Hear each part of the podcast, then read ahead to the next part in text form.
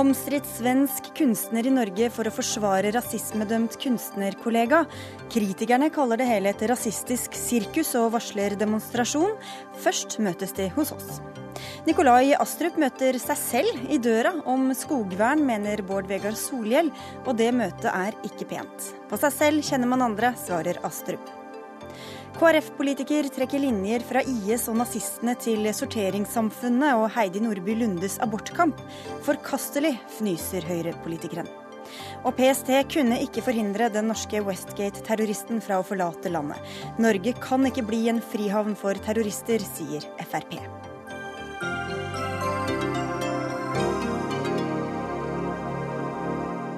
Velkommen til Dagsnytt 18 på NRK P2 og NRK2 med Sigrid Solund i studio, hvor også politidirektøren kommer for å forklare hvorfor det nå opprettes en ny politigruppe som skal etterforske uoppklarte saker. Den svenske kunstneren Lars Wilks er i Norge, og besøket har skapt reaksjoner allerede før han har åpnet munnen.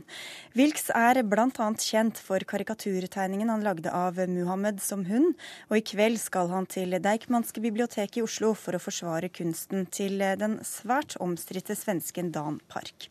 I sommer ble Park dømt for rasistisk hets, bl.a. for en plakat av en afrikansk mann som ble lynsjet i et rasistisk angrep.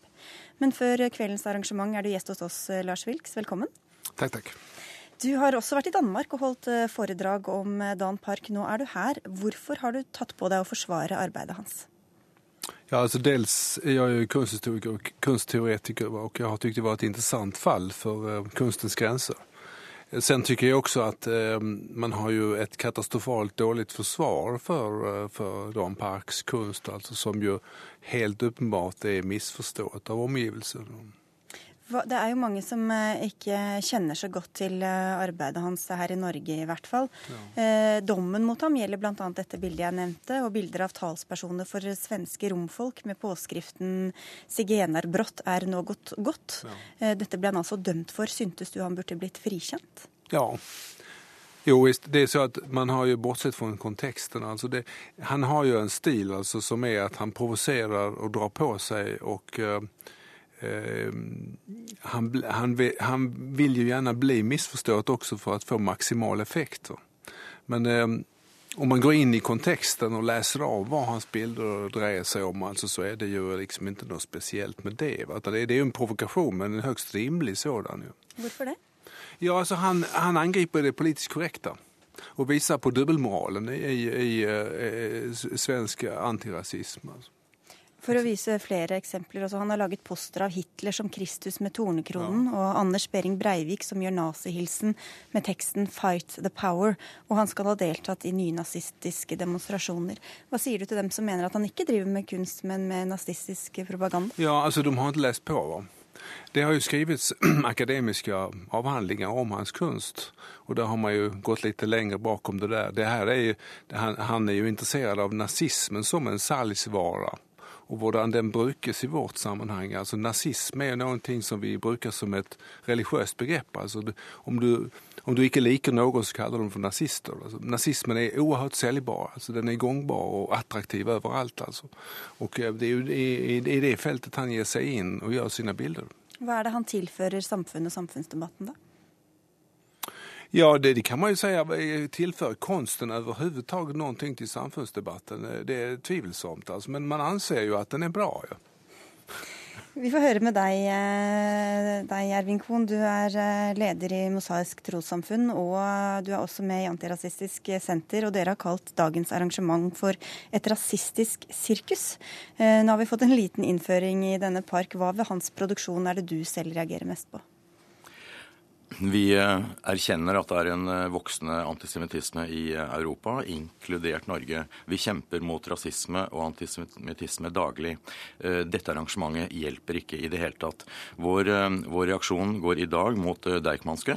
Vi vil ikke at våre folkebibliotek skal åpnes for nazi ytringer. Vi vil ikke ha hatefulle ytringer i, i våre offentlige institusjoner.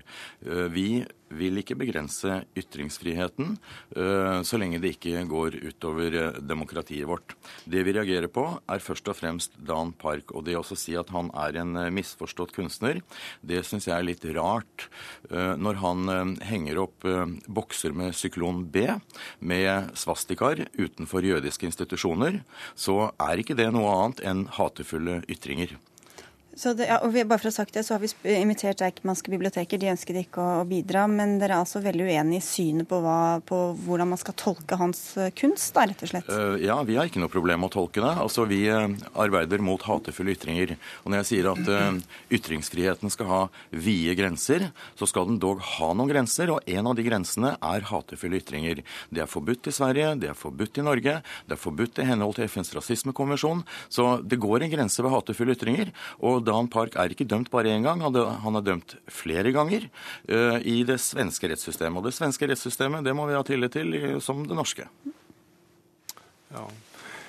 Som jeg sa det, så det er veldig lett å lese noen feil. Altså Den her syklon eh, B-historien som han satte opp i Malmö, det, det, var jo hans kommentar til Det er altså en gass som har drept ja, mange altså den gass man anvendte, ja.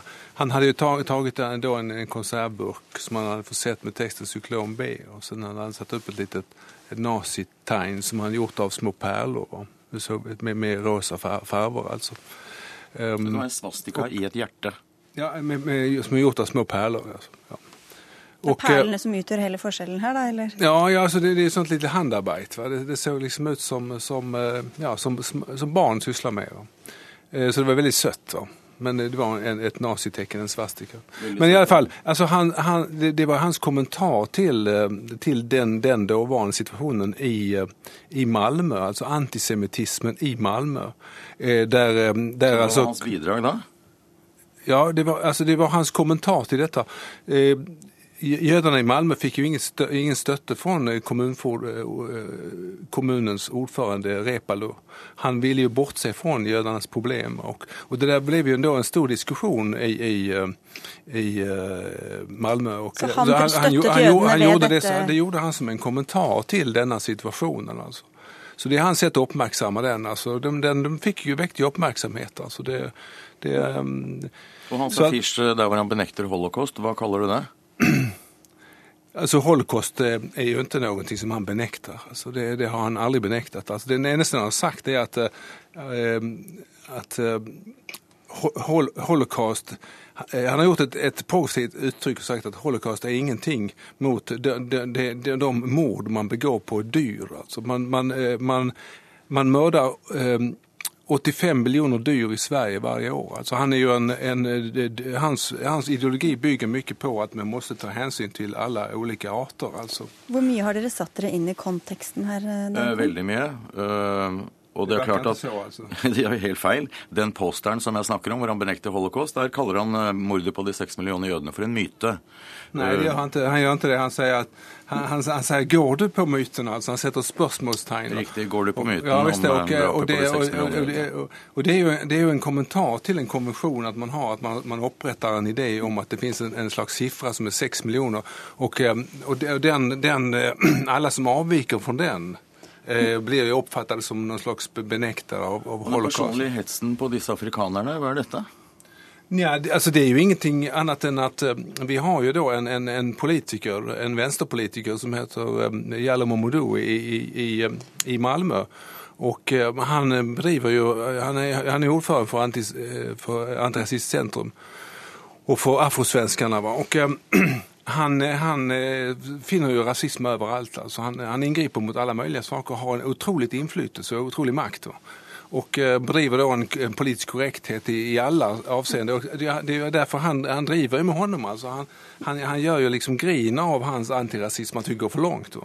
Hva mener du at Lars Vilks bidrar til ved å være her og snakke om ham eh, med dette arrangementet bl.a.? Han bidrar til å ufarliggjøre og legge et røykteppe. Og det å alminneliggjøre den type hatefulle ytringer, det er skummelt. For det bidrar ikke positivt i kampen mot rasisme og i kampen mot antisemitisme. Men du säger att du har vil ha vide rammer for ytringsfrihet. Hvis han ikke har direkte oppfordret til vold mot noen, hvorfor er dette da utafor? Det å henge opp eh, en sånn boks med syklon B altså Jeg er etterkommer etter to holocaust-overlevende. Og hele min familie omtrent ble gasset med syklon B. Og det å henge opp en syklon B-boks med et hakekors utenfor jødisk, et jødisk kapell, det er en hatefull ytring. Det er jo ikke noe annet enn det. Altså, Hvordan i all verden skal vi forstå det? Ja, han, han, han, sier jo selv altså, at det er veldig viktig å påminne om holocaust. Og nå skal du ned til Deichmanske bibliotek i Oslo, hvor du kanskje blir møtt av demonstrasjoner. Skal du Jeg skal holde en appell. Og du skal stå inne for å, å forklare kunsten? Ja, altså Mitt krav er jo bare at man skal gjøre en analyse og en kontekst. At man skal ta hensyn til de akademiske avhandlingene som har skrevet om ham også, der man har en dybde på dette som viser liksom at de her tolkningene er, er jo veldig veldig personlige og, og overfladiske. De er ikke personlige i det hele tatt. Her altså Svensk, eh, svensk rettssystem har jo altså dømt ham tre til fire ganger, og nå sitter han inne i seks måneder. Ja, Så var, her er det ikke Men det var en veldig dårlig forsvarer ja. som, ikke, som ikke drev de linjene eller brukte, brukte, de argumentene man kunne gjort. Vi vil ikke ha hatefulle ytringer i vårt samfunn. Det hjelper ikke demokratiet. Nei, det, det sier jo Dan Park også. Mm, da skal dere få fortsette nede i Oslo sentrum. Og så sier vi tusen takk for at dere kom hit først, Ervin Kohn og Lars Vilks. Dagsnytt 18 alle hverdager klokka 18. På NRK P2 og NRK2.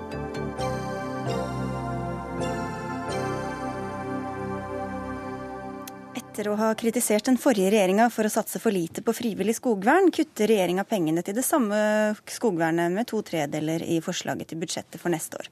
Dette har ført til både kritikk og kronikk på NRK Ytring fra deg, nestleder SV Bård Vegar Solhjell. Du skriver at Høyres miljøpolitiske talsperson Nikolai Astrup møter seg selv i døra, og at han attpåtil gjør det uten verdighet. Hva mener du med det? Astrup var jo den sterkeste kritikeren og største talspersonen i opposisjonen for mer skogvern. Og i de siste årene da jeg var miljøvernminister, så økte vi det kraftig.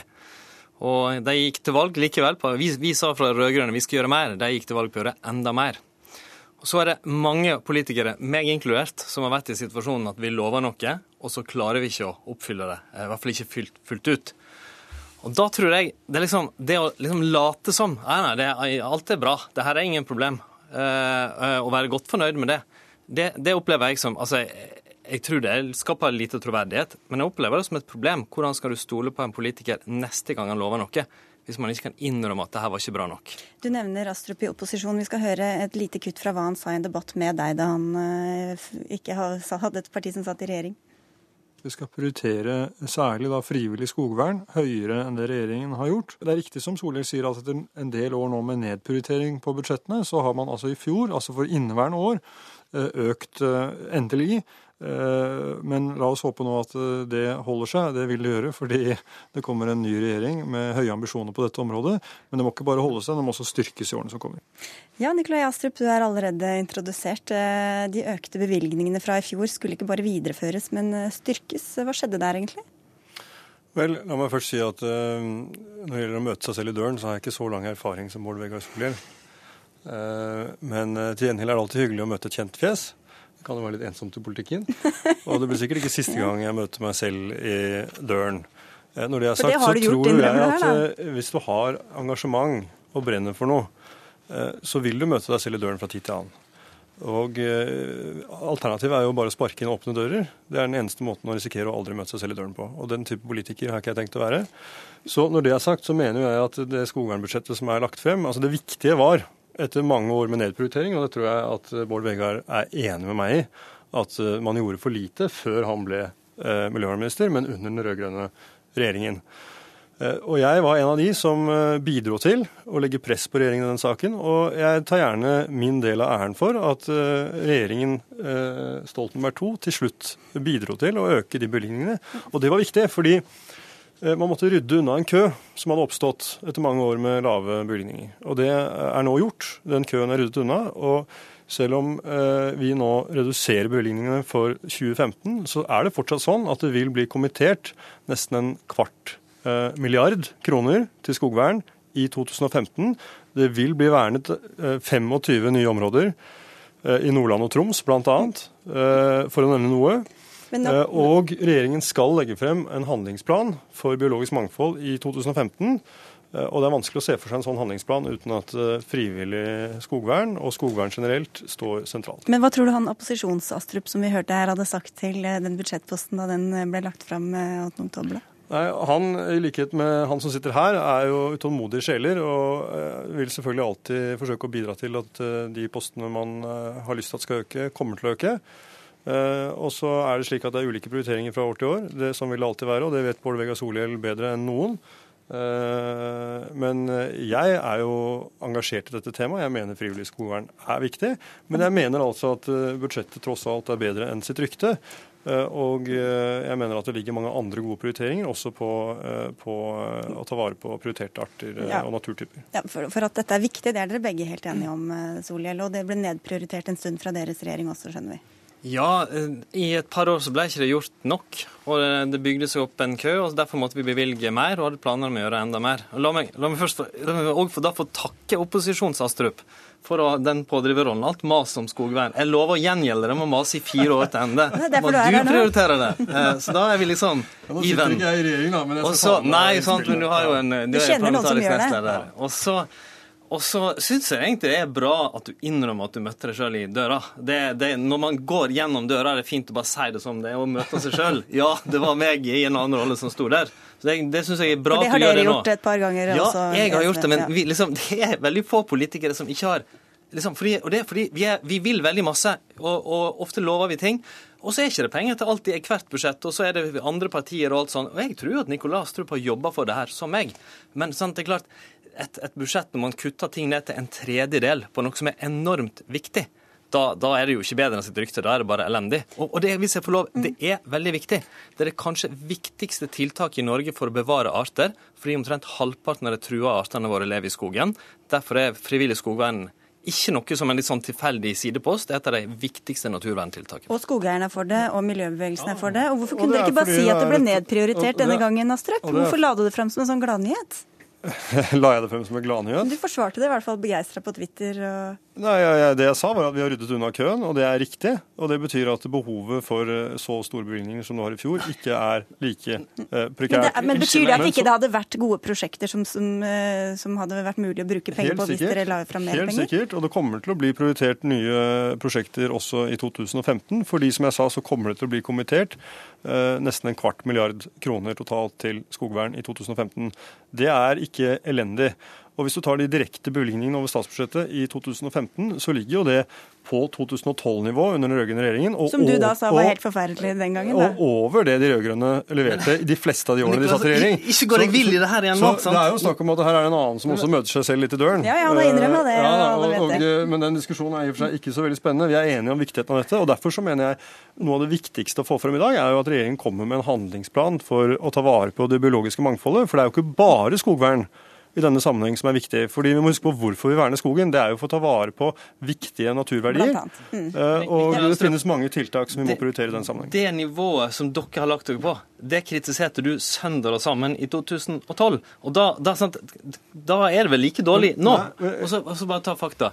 Jeg og den rød-grønne regjeringa bevilga en kraftig økning for å rydde under den køen. Vi rydda under den køen. Den der er derfor borte nå. Jeg tror det er en ganske safe gjetting at den kommer til å oppstå igjen nå med det lave budsjettet.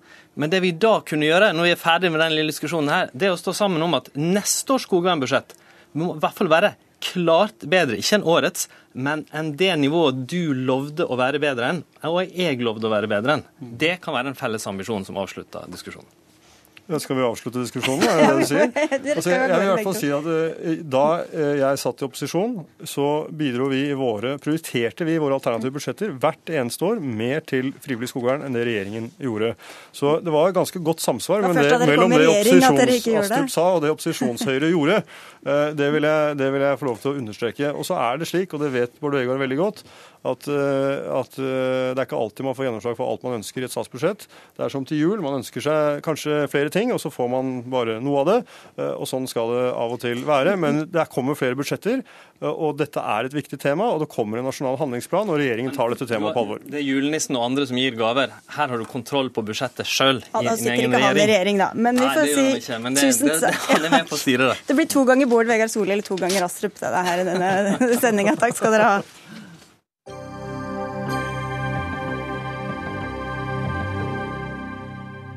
Kvinner som kjenner den biologiske klokka tikke og gå, bør ikke få lov til å fryse ned eggene sine av den grunn, mener Bioteknologirådet, og det blir det snart debatt om, men først til en annen nyhet fra i ettermiddag.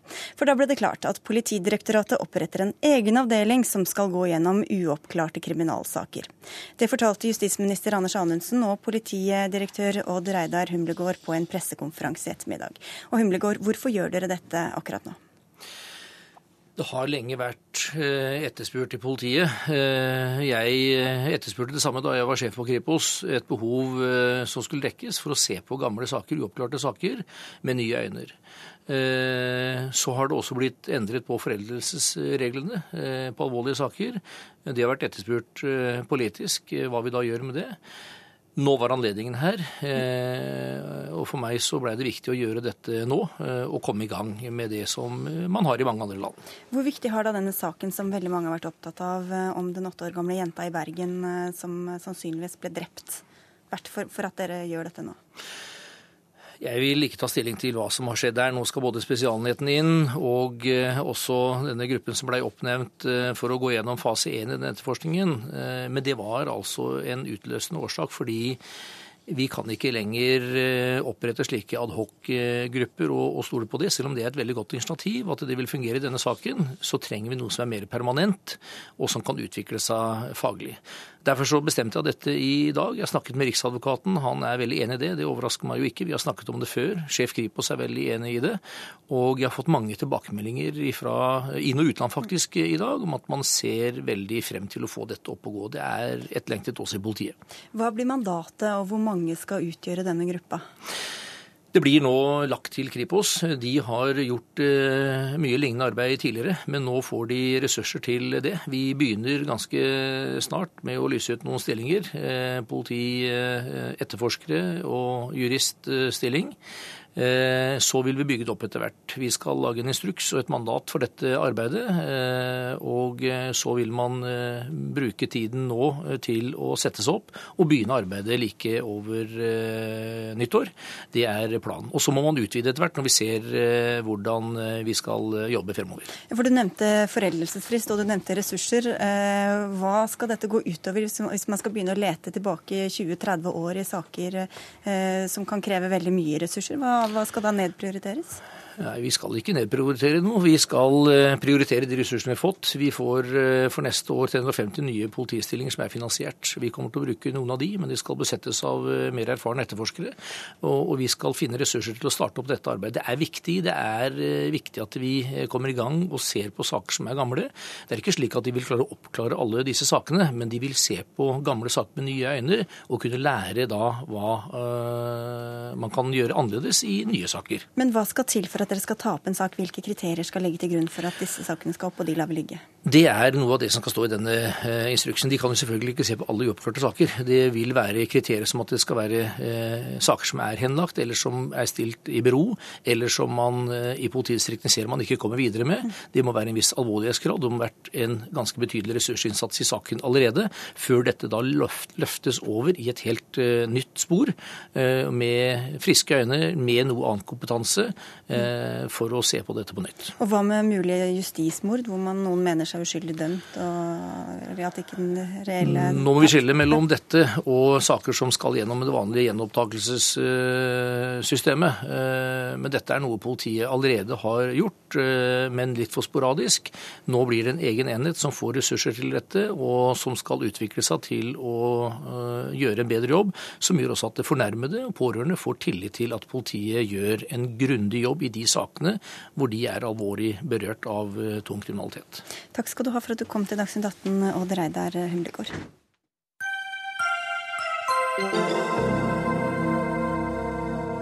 Og da skal vi til Canada. Der åpnet nasjonalforsamlinga igjen i ettermiddag etter å ha vært stengt i ett døgn pga. gårsdagens terroraksjon. En 32 år gammel mann skjøt og drepte en soldat i hovedstaden Ottawa før han stormet inn i parlamentet og skjøt rundt seg før han selv ble drept. USA-korrespondent Gro Holm, du er på plass i Ottawa og står ved minnesmerket der soldaten ble drept. Hvordan vil du beskrive stemninga i byen i dag? Det er veldig rolig, og her ved minnesmerket står det vel noen et par hundre mennesker tenker jeg, samlet. Veldig mange journalister også, selvfølgelig. Og Politiet slipper fram én og én for å legge blomster på, på, minnesmerket. Det begynner å bli en anselig blomsterbukett der. En imam, imamen i moskeen, hovedmoskeen her i Ottawa, Abdallah Odeid, sto nettopp her og uttrykte sin medfølelse med, med den drepte, og sa at han sluttet seg helt til det som statsminister Stephen Harper sa i parlamentet i dag, nemlig at nå må det canadiske folk stå sammen. Han fordømte drapet eh, i går. Hva har ellers vært de politiske reaksjonene på det som skjedde? Reaksjonene er jo avventende. De fleste, de fleste sier jo at dette er trolig én mann som handlet alene. Det er ingenting som tyder på at han var en del av et nettverk, eller at det var en forbindelse mellom ham og den konverterte uh, muslimen som drepte en annen canadisk soldat på mandag ved å kjøre på ham. Uh, så beskjeden er at dette vil ikke stanse Canadas kamp mot terrorismen. Canada skal fortsette å delta i uh, kampen mot IS i Syria. De har nettopp sendt av gårde seks kampfly denne uka her. Så, så, det er et usedvanlig samlet canadisk folk. og et det er veldig rolig. Det er en veldig lite opphisset stemning. Mm. Du nevnte altså Drapsmannen som selv ble drept, er en 32 år gammel småkriminell som hadde konvertert til islam. Hva mer vet man om ham? Ja, Han, eh, han vokste opp eh, antagelig mesteparten av tiden med moren. Eh, han som jobbet i, faktisk i immigrasjonsmyndighetene. Faren var en libaneser som drev kafé. Moren sier i dag at hun ikke har hatt kontakt med ham på fem år. Han eh, var dømt for eh, både ran, han var dømt for ulovlig besittelse av våpen og narkotika. Eh, så han, og det virker som han etter siste, de siste kriminelle handlingene og den siste straffen bestemte seg for å konvertere til islam. Men så langt så er det ingen som har klart å påvise at han har vært en del av et større miljø. Derimot så er det jo slik at Canada ifølge politiet har en, en 90 personer under etterforskning mistenkt for å ha eh, kontakt med ekstreme islamske nettverk. Og over 100 canadiere skal, eh, skal, kjempe i utlandet.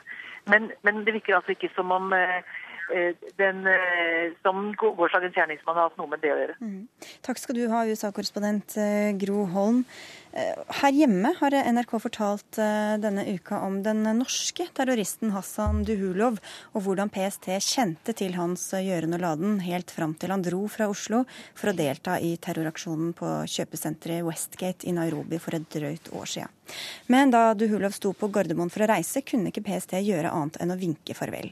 Og Per Sandberg, du er nestleder i Fremskrittspartiet. Har PST de fullmaktene de trenger for å stanse mennesker som ham?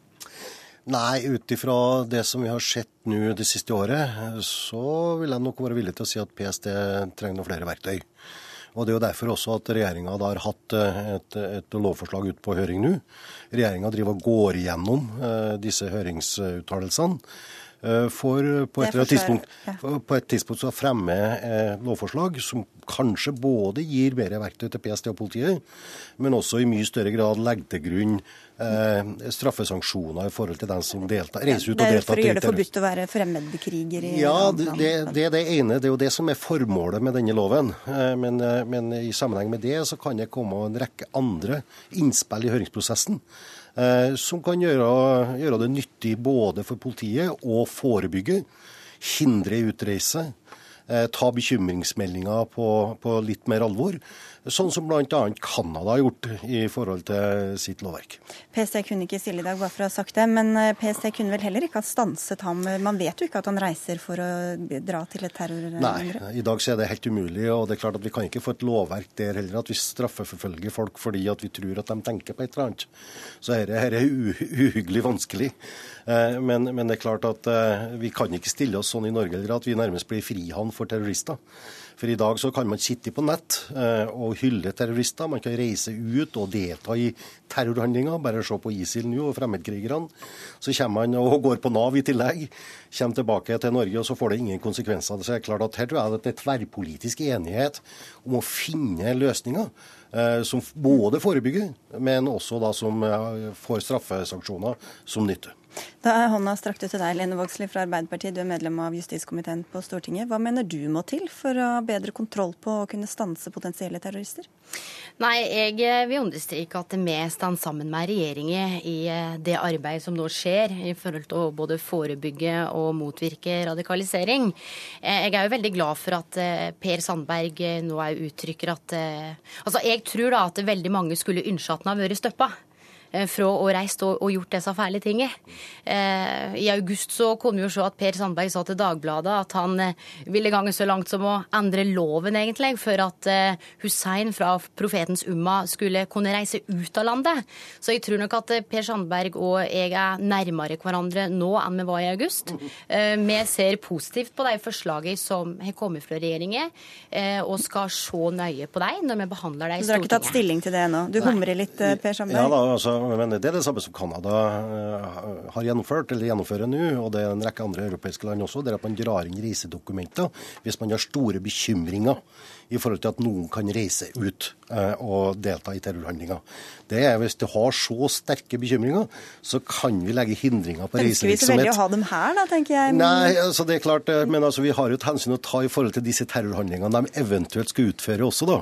Mm. Eh, og så ser vi også at Canada de drar da inn reisedokumenter og pass, både for dem som de har bekymringer for, men også dem som har reist ut. Så de kommer heller ikke tilbake. Mm, men... Så, så, det, så det er mange virkemåter nå som vurderes, ikke bare i Norge, hele Europa har forskjellige vurderinger nå på, på, lovverk for å, for å, stoppe og forhindre det. Samtidig så har jo disse menneskene visse rettigheter, og man kan jo ikke krype inn i hodet på dem heller. Kan det virke litt urettferdig for mange, kanskje? Nei, altså disse menneskene som vi nå snakker om, det er jo mange av de unge norske statsborgere som vi på sett og vis må vel si at vi har svikta.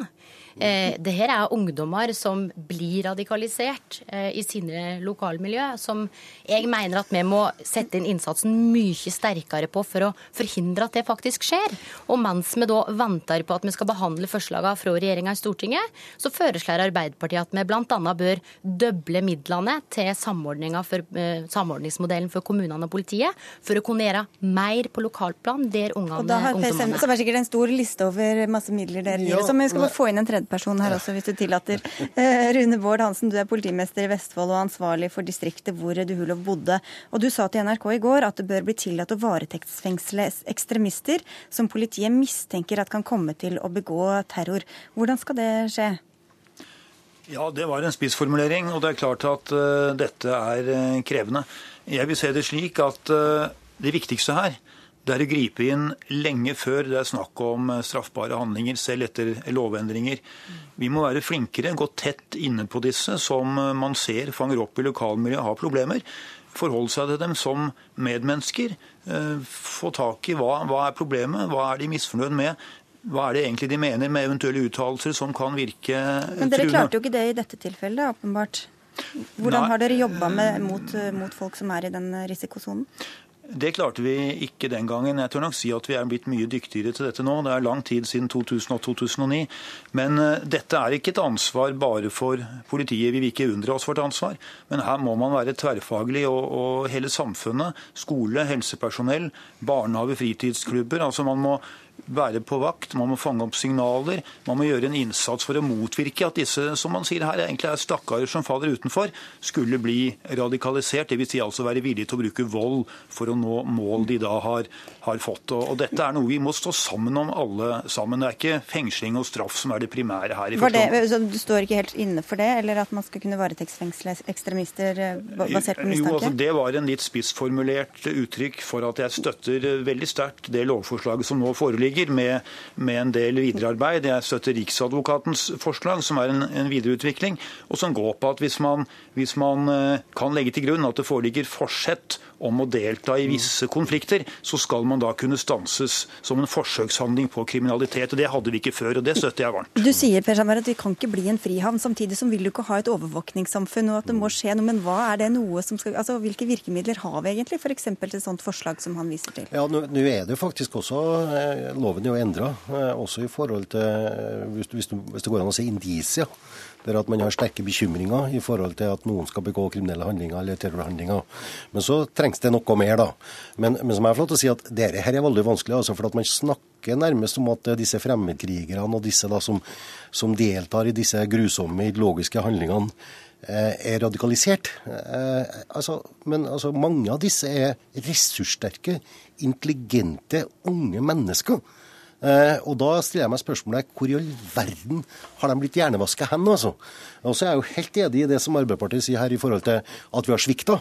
Men det er det noen som har påpekt i mange mange, mange år. altså. I forhold til integreringsprosessene og de kravene vi stiller, så inkludering Eh, i forhold til mennesker som har kommet til Norge. Men her er det snakk om folk som er født, ja. født og oppvokst i Norge og, og bærer fram på gullstol, men allikevel så er de blitt hjernevaska på en eller annen måte, så de begår sånne terrorhandlinger. Vi tar ikke hele integreringsdebatten, men hvor, hvor godt rusta vil du si, for når Erna Solberg sier dette må kommunene også bli flinkere til, mm. hvor godt, rusta står kommunene i dag? Hvordan vet de hva de skal se etter, og hva de eventuelt skal gjøre med det? Uh, eh, SLT-råda, samarbeidsorganet mellom politiet og kommunene, fungerer jo svært godt i veldig veldig mange kommuner. Uh, og jeg er veldig glad for at statsministeren nå viser til kommunene og det forebyggende arbeidet som skjer der. Eh, det vi savner, eller det vi etterlyser, da, eh, det er midler til å styrke det arbeidet. Det inviterer jeg eh, Frp eller regjeringa og samarbeidspartier til å være med på nå i budsjettet, slik at vi kan gjøre enda mer av det som vi gjør bra, og ikke minst heve kompetansen på det vi ennå ikke vet. Vi har mange gode eksempel. Trondheim kommune f.eks. utarbeidet en veileder som Justisdepartementet har sagt at de vil se til når de utarbeider en nasjonal veileder. Her er det mange tiltak vi kan sette i gang. Eh, samtidig som vi må naturlig ta debatten om eh, lovforslagene fra regjeringen. Og Det har vært i eh, mange handlingsplaner, det har vært iverksatt en rekke tiltak ute i kommunene. Alle bor i en kommune. Men samtidig så må vi se på hvorfor at mange av disse da har sånn hat til Norge og Vesten. Altså er det, Hvilken tilknytning har man faktisk fått til Norge, og eventuelt et annet opprinnelsesland eller lignende. Vi må se på de eh, knytningene der også. Mm. For, for, for meg så kan det virke som at mange av disse har en sterkere tilknytning til et annet land enn det de faktisk er født og oppvokst i. Og Dette er jo et veldig komplisert felt, men bare helt avslutningsvis kort, Rune Bård Hansen i Vestfold. Skulle dere ønske at dere hadde mer, flere virkemidler i denne kampen? Jeg tror vel egentlig, bortsett fra den lovendringen vi trenger for å stoppe de som vi da er ganske sikre på skal ned for å kjempe i en viss konflikt, så tror jeg egentlig vi har ganske gode virkemidler. Dette med det lokale samarbeidet med kommuner med videre er kjempeviktig. Dette er jo egentlig kriminalitetsforebyggende arbeid. På samme måte som vi skal forebygge vinnings- og volds- og sedelighetskriminalitet, skal vi her forebygge mulig terrorkriminalitet. Det er de samme metodene vi må bruke, men vi må inn enda tidligere og ha et enda eh, videre spekter av gode hjelpere som hjelper denne personen fram, slik at man klarer å stille, komme unna eh, den propaganda som eventuelt kan forandre ham. Og Der må man kanskje gå inn og forandre hele livssituasjonen til den enkelte. Og vi må jo heller ikke komme dit at vi driver politisk overvåkning. ikke sant? Dette er grensen for eh, demokrati, diktatur osv. og er en, en krevende øvelse. Men jeg syns vi er ganske godt skodd på det, og vi skal klare det. Takk skal du ha, Rune Bård Hansen, og takk til Per Sandberg og Lene Vågslid. Dette blir det mer om garantert i månedene som kommer. Takk skal dere ha. Hør Dagsnytt 18 når du vil. Radio NRK.no.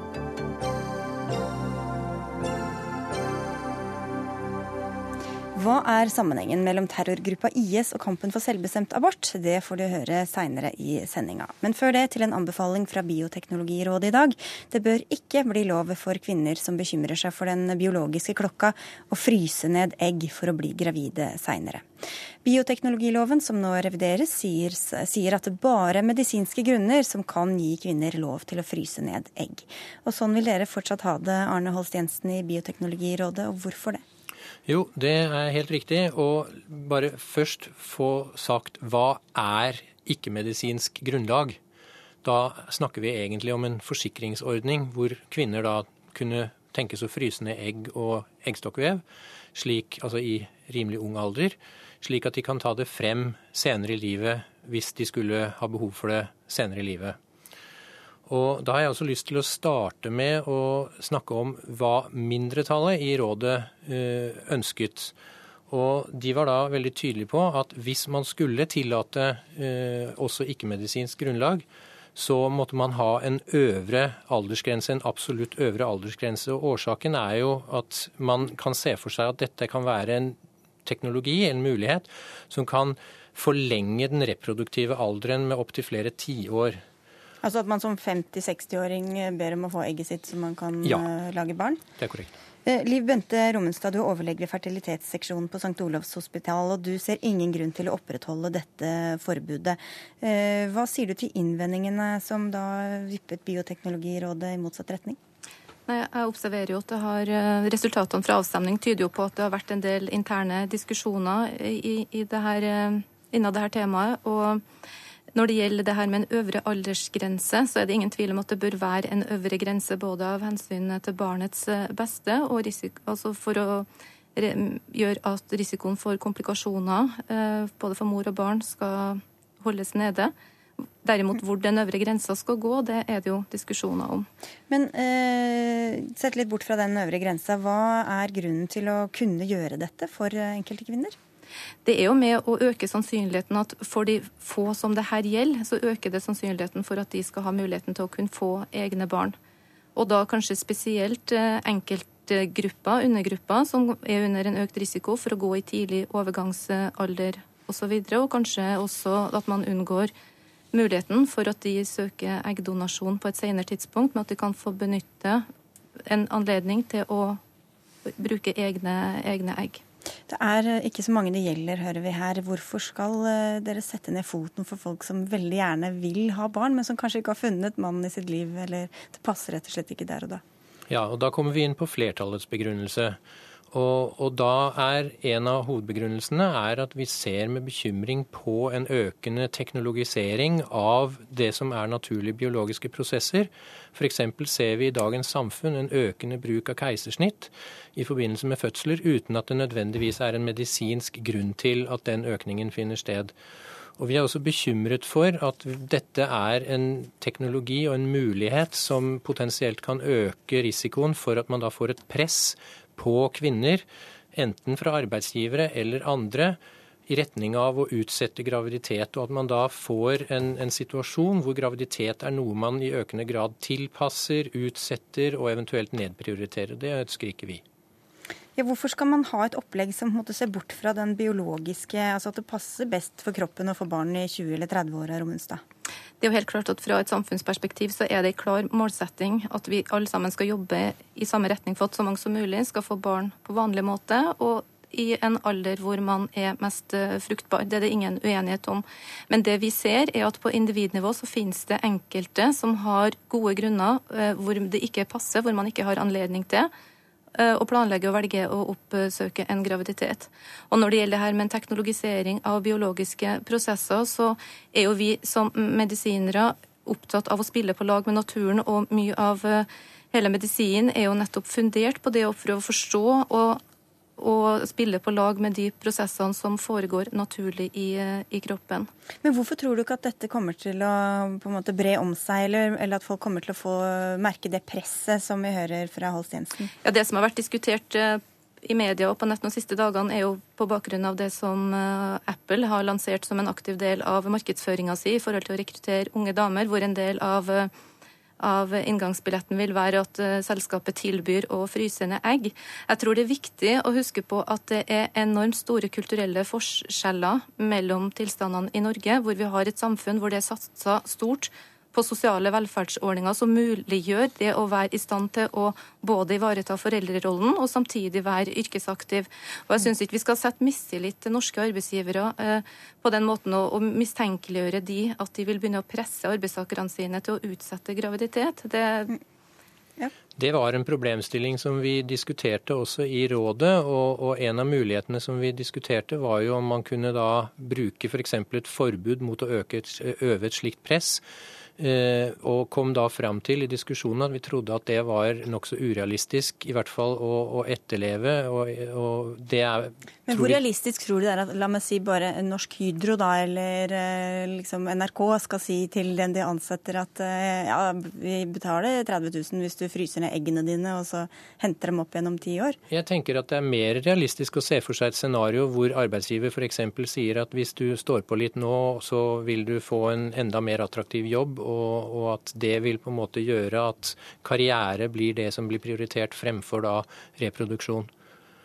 Og Vi er også litt bekymret, i hvert fall noen av oss, for at eh, hvis det først er slik at disse eggene er fryst ned, og kvinnen da kommer i en situasjon hvor hun egentlig er forbi reproduktiv alder, så vil det bli et press på at når du først har betalt for å fryse ned, og disse eggcellene eller eggstokkvevet i prinsippet fortsatt kan brukes, så vil det bli et press i retning av å få lov å bruke det. At noen vil mene at det er urimelig at de ikke skal få lov å bruke det.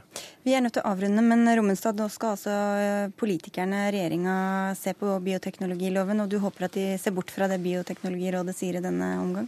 Jeg håper det, og jeg håper at eh, de få det her gjelder, skal få muligheten, og at vi skal unngå at de drar til utlandet og fryser ned egg kanskje når de har blitt for gamle. At vi kan få lov å ha muligheten til å gjøre den informasjonen og utredninger her eh, innad i det norske fagmiljøet, som tidligere og alltid har utvist stor grad av forsvarlighet når det gjelder å gi råd og god behandling til denne gruppa, som andre infertile.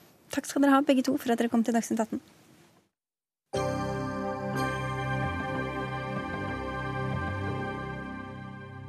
I dag er siste dag i toppmøtet for den øverste eliten i Kinas kommunistparti. På, på dagsorden står temaet rettsstaten, og det er vel et begrep som defineres litt annerledes enn her i Norge. Kristin Dalen, du er forsker ved Fafo og ekspert på Kina. Hva mener det kinesiske kommunistpartiet med rettsstat? Ja, det, det, det, kan du lure på. Det er ikke enkelt å oversette begreper sånn som det er. Og jeg tror kan være, vi kan alle være enige om at uh, kinesiske kommunistpartiet nok ikke mener det samme med rettsstat som det vi gjør. Eh, sentralt i rettsstatsbegrepet så står jo både lovverket, rettssikkerheten og maktfordelingsprinsippet. Jeg tror det er siste, det siste punktet som spriker mest i forhold til kinesernes oppfatning av rettsstaten. Maktfordelinga, Hva er det de er misfornøyd med maktfordelinga i dagens samfunn i Kina, da? Eh, nei, det er nok det at det, det, punktet med maktfordeling finnes nok ikke i den kinesiske forståelsen av rettsstat. Der er det partiet som har den overordna forståelsen. Men det er allikevel ganske mange ting. Eh, nå har reform av rettsstaten vært liksom tema for dette her. Og det er ganske mange ting kinesiske kommunistpartiet ser for seg at de ønsker å endre med den rettsstaten som finnes i Kina i dag. Hva da? Først og fremst så er det nok eh, et behov fra det kinesiske kommunistpartiets side for å kontrollere eh, seg selv. Dette har vi jo sett gjennom de store korrupsjonskampanjene som Xi Jinping satte i gang eh, nesten med en gang han kom til makten for to år siden. Det har vært ganske utbredt misbruk av makt på lokalt nivå i Kina når det gjelder både hvordan man lokale ledere overprøver domstoler, og korrupsjon og misbruk, og, og, også det at man ikke engang tar hensyn til det domstolen har dømt. Sånn at det, det truer legitimiteten til den sentrale partiet, og dette føler de at de må gjøre noe med. Og de reformene som vi ser nå, er et forsøk på å gjøre det. Jeg vet vi hva som er kommet ut av dette tre dager lange møtet? Eh, nei, det har ikke kommet så veldig mange beskjeder enda, men det er tydelig at man ønsker å styrke kontrollen med lokalt nivå. Man har bl.a. sagt at lokale domstoler ikke lenger skal knyttes til lokal, lokale ledere. Domstolene skal svare til høyere domstoler og ikke til styringsorganer på lokalt nivå. Dette er et helt konkret grep som man tar for å styrke kontrollen sentralt. Hvor eh, viktig er synet på, eh, på, grunnleggende menneskerettigheter oppi dette, noe som Kina ofte blir kritisert for eh, internasjonalt?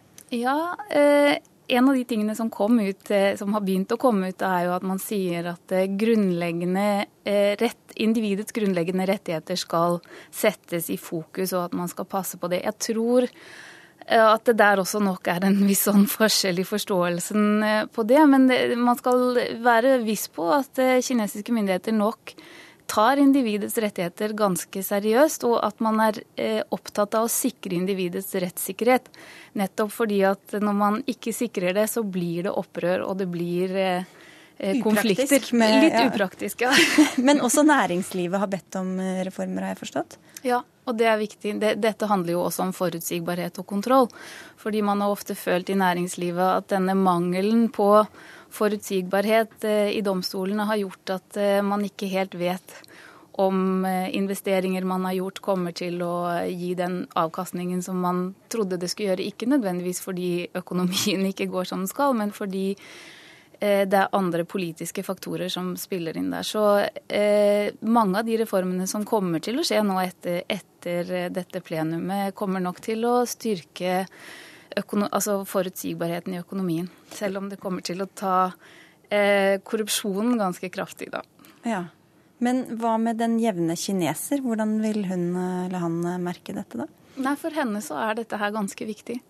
Eh, en av de tingene som man tror kommer, som man ikke har hørt så mye om, er jo en styrking av rettighetene til eiendom. Og i Kina så er det et veldig vanskelig tema som har ført til store konflikter, og som gjør hverdagen veldig vanskelig for folk. Det er jo også dette med mangel på forutsigbarhet. At man ikke vet om domstolen kommer til å faktisk fungere når man selv har blitt offer for et, et lovbrudd. Så en, for de fleste så blir nok dette bra. Altså. Så en viss grunn til optimisme, altså? Ja, jeg tror det. Det var jo veldig hyggelige nyheter du hadde komme med deg, Kristin Dalen. Takk skal du ha for at du var i Dagsnytt 18. Takk skal du ha.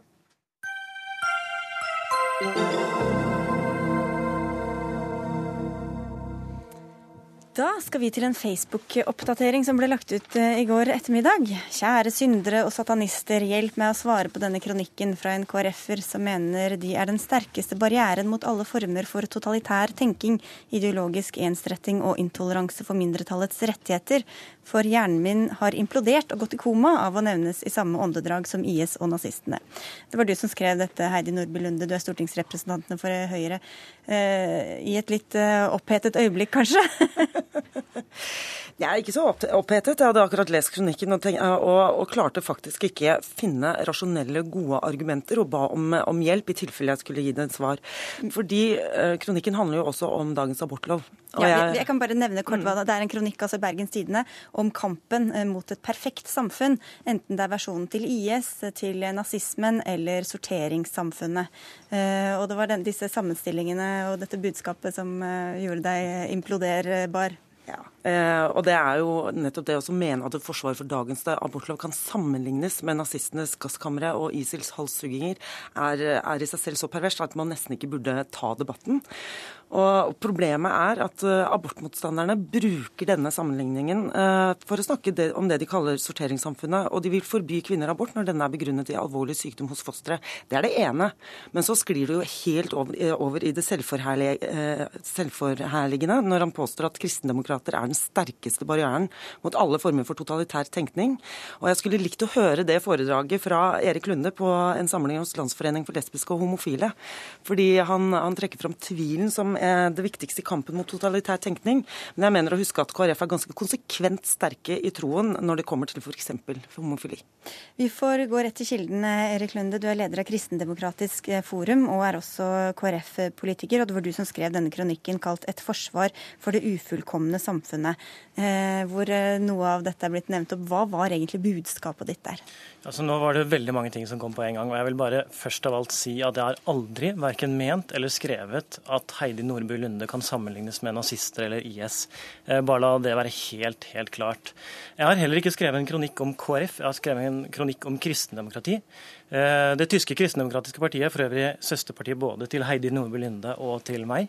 Eh, og jeg har skrevet en bok om hvordan jeg oppfatter kristendemokratiet på sitt beste. Og på sitt beste så oppfatter jeg at kristendemokratiet er et forsvar for et samfunn der folk får tenke og tro og ytre fritt, der folk får eh, leve det livet de selv ønsker, der man bygger et samfunn nedenfra igjen med mangfold, eh, og der man er en sterk barriere mot alle former for totalitær tenkning. Ja, det er denne paraplyen her, det eh, totalitære eller perfekte, fullkomne altså, samfunnet? Altså, veldig mange andre ideologiske retninger eh, jakter på det perfekte samfunnet. De er villige til å ta i bruk sterke politiske virkemidler for å nå et slags drømmesamfunn. Og vi ser også at mange ideologiske retninger jakter på en mer sånn idealmenneske. Jeg mener at kristendemokratiet etter andre verdenskrig, grunnen til at det var en suksess med kristendemokratiet etter andre verdenskrig, var nettopp at man representerte det totale motsatsen til dette. Og så vil jeg bare si én ting. For når Heidi Nordby Lunde hadde en lang angrepsrekke Min bok, altså dette Denne kronikken har utgangspunkt i en bok som er gitt ut som heter 'Kristendemokrati et forsvar for det ufullkomne samfunnet'. Ja. Eh, og Den boken er jo en, en, en, også en lang rekke av utfordringer til dagens kristendemokrati. Eh, også på, i spørsmålet om homofile og lesbiskes rettigheter. Men nå holder vi oss litt til den kronikken som var der. Jo, men altså, jeg må jo få lov å svare ja, på de angrepene som kommer fra Heidi ja, men fordi, du, fordi, hun blir jo nevnt i denne kronikken. Og hva er på en måte linja da fra jakten på det perfekte samfunn, enten det er marxister eller nazister eller IS som står for det, og, og hennes uh, forsvar for uh, abortloven? Egentlig, jeg mener at den, det viktigste vi kan gjøre i kampen mot radikalisering, som vi har diskutert tidligere i denne sendinga, Eh, ekstremisme og gradering av menneskeverdet. Det å slå fast at vi skal ha et mangfoldig samfunn der alle mennesker har like stor verdi, og at man ikke sorterer mennesker på bakgrunn av egenskaper. Derfor er vi som kristendemokrater urolige for utviklinga i retning av en, et sorteringssamfunn. Det er det ikke bare vi som er, det er Geir Lippestad, det er Bent Høie, det er Erna Solberg også svært bekymra for. Eh, og jeg mener at når eh, politikere som Heidi Nordby Lunde, som vanligvis og det, jeg, det, skriver også i kronikken, er svært opptatt av likestilling, likeverd, individuelle rettigheter. Eh, når de ikke uttrykker noen form for bekymring når, over at samfunnet beveger seg i retning av et sorteringssamfunn, så mener jeg det er veldig rart. Jeg syns det blir eh, i, i, overkant eh, spesielt. Um, fordi han tar utgangspunkt i et, et, spørsmål som jeg har stilt, og da blir det jo da i en annen kronikk for lenge siden. Um, og som noen fra den sterkeste barrieren mot alle former for totalitær tenkning burde være den første til å forsvare, nemlig muligheten uh, til å stille spørsmål til ved Hvis vi helt hypotetisk kunne utrydde sykdommer og syndromer, helt hypotetisk, ville vi da gjort det? Og ville samfunnet da blitt mindre mangfoldig? For jeg syns at menneskeheten i seg selv er så herlig og mangfoldig i utgangspunktet. Jeg er liberalist, konservativ eh, og tar utgangspunkt i enkeltindividet, og jeg omfavner alle, også med sykdommer og syndromer. Og det hadde jo vært så herlig om kristendemokrater kunne gjøre det samme, f.eks. Da i forbindelse med LHBT-samfunnet. Ja, men her er det altså det store Downs-spøkelset som hviler litt eh, her, da, som, som, ofte koker ned til når det gjelder sorterings, ja, da, eh, det såkalte sorteringssamfunnet. Og Det er der jeg kommer tilbake til den sammenligningen med at å forsvare dagens abortlov, så altså åpne for at kvinner kan få lov til å ta abort når det er noe eh, alvorlig sykdom hos eh, fosteret, og sammenligne det med eh, nazistenes gasskamre og Isils halshugging, er så absurd at det, er, at det i seg selv er forkastelig. Og når man da skal snakke om Isils Eh, altså Det er ganske friskt fra en politiker fra et parti som baserer seg på en religion som faktisk altså Man kristnet jo Norge på samme metoden som ISIL bruker i dag. Ja, altså, eh, altså, jeg må bare eh, at jeg tror Heidi Nordby Lunde vet veldig godt at jeg ikke mener å sammenligne Hun leser deg litt vrangt? Ja, hun leser meg veldig veldig vrangt. Jeg har selvfølgelig ikke sammenligna eh, tilhengere av dagens abortlov med nazister og ISIL-fundamentalister. Eh, Så langt derifra. Det ville vært, det ville vært perverst hvis det hadde vært tilfellet. Eh, og jeg tenker at eh, jeg, jeg, jeg, har lyst til å sitere Lundes partifelle. Eh, Bent Høie, som eh, sa dette til hennes kronikk. Jeg mener det ville være et stort tap for samfunnet hvis vi skulle slutte å føde barn med Downs, fordi mangfoldet har en verdi i seg selv. Det skjer en utvikling der kravene til idealmennesket bare blir sterkere. Men Downs syndrom er ingen sykdom, det er en egenskap. Og det er der vi skiller lag. Eh, Heidi Nordby Lunde mener at Downs syndrom er en sykdom, noe som bør utryddes fra samfunnet. Måten, altså, eh, og det mener jeg, og det mener jeg å jakte på det perfekte ja. samfunnet. Okay. Og Apropos å lese vrangt og mene at jeg eh, synes at man ikke skal føde med Downs syndrom, det er ikke bare vranglesning, det er, det er direkte løgn. Det han skriver også om det totalitære samfunn, som er jo de som mener å ha funnet et oppskrift på det perfekte liv.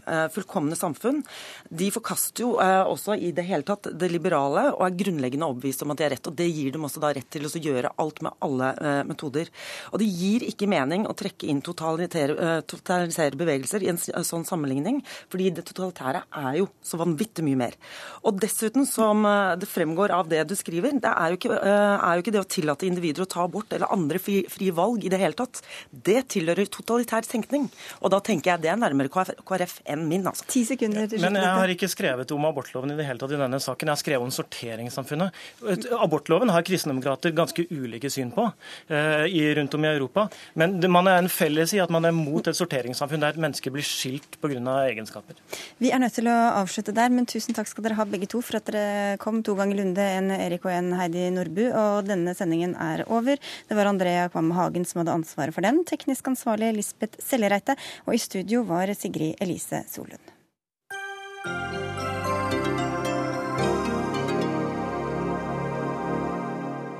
Hør flere podkaster på nrk.no podkast.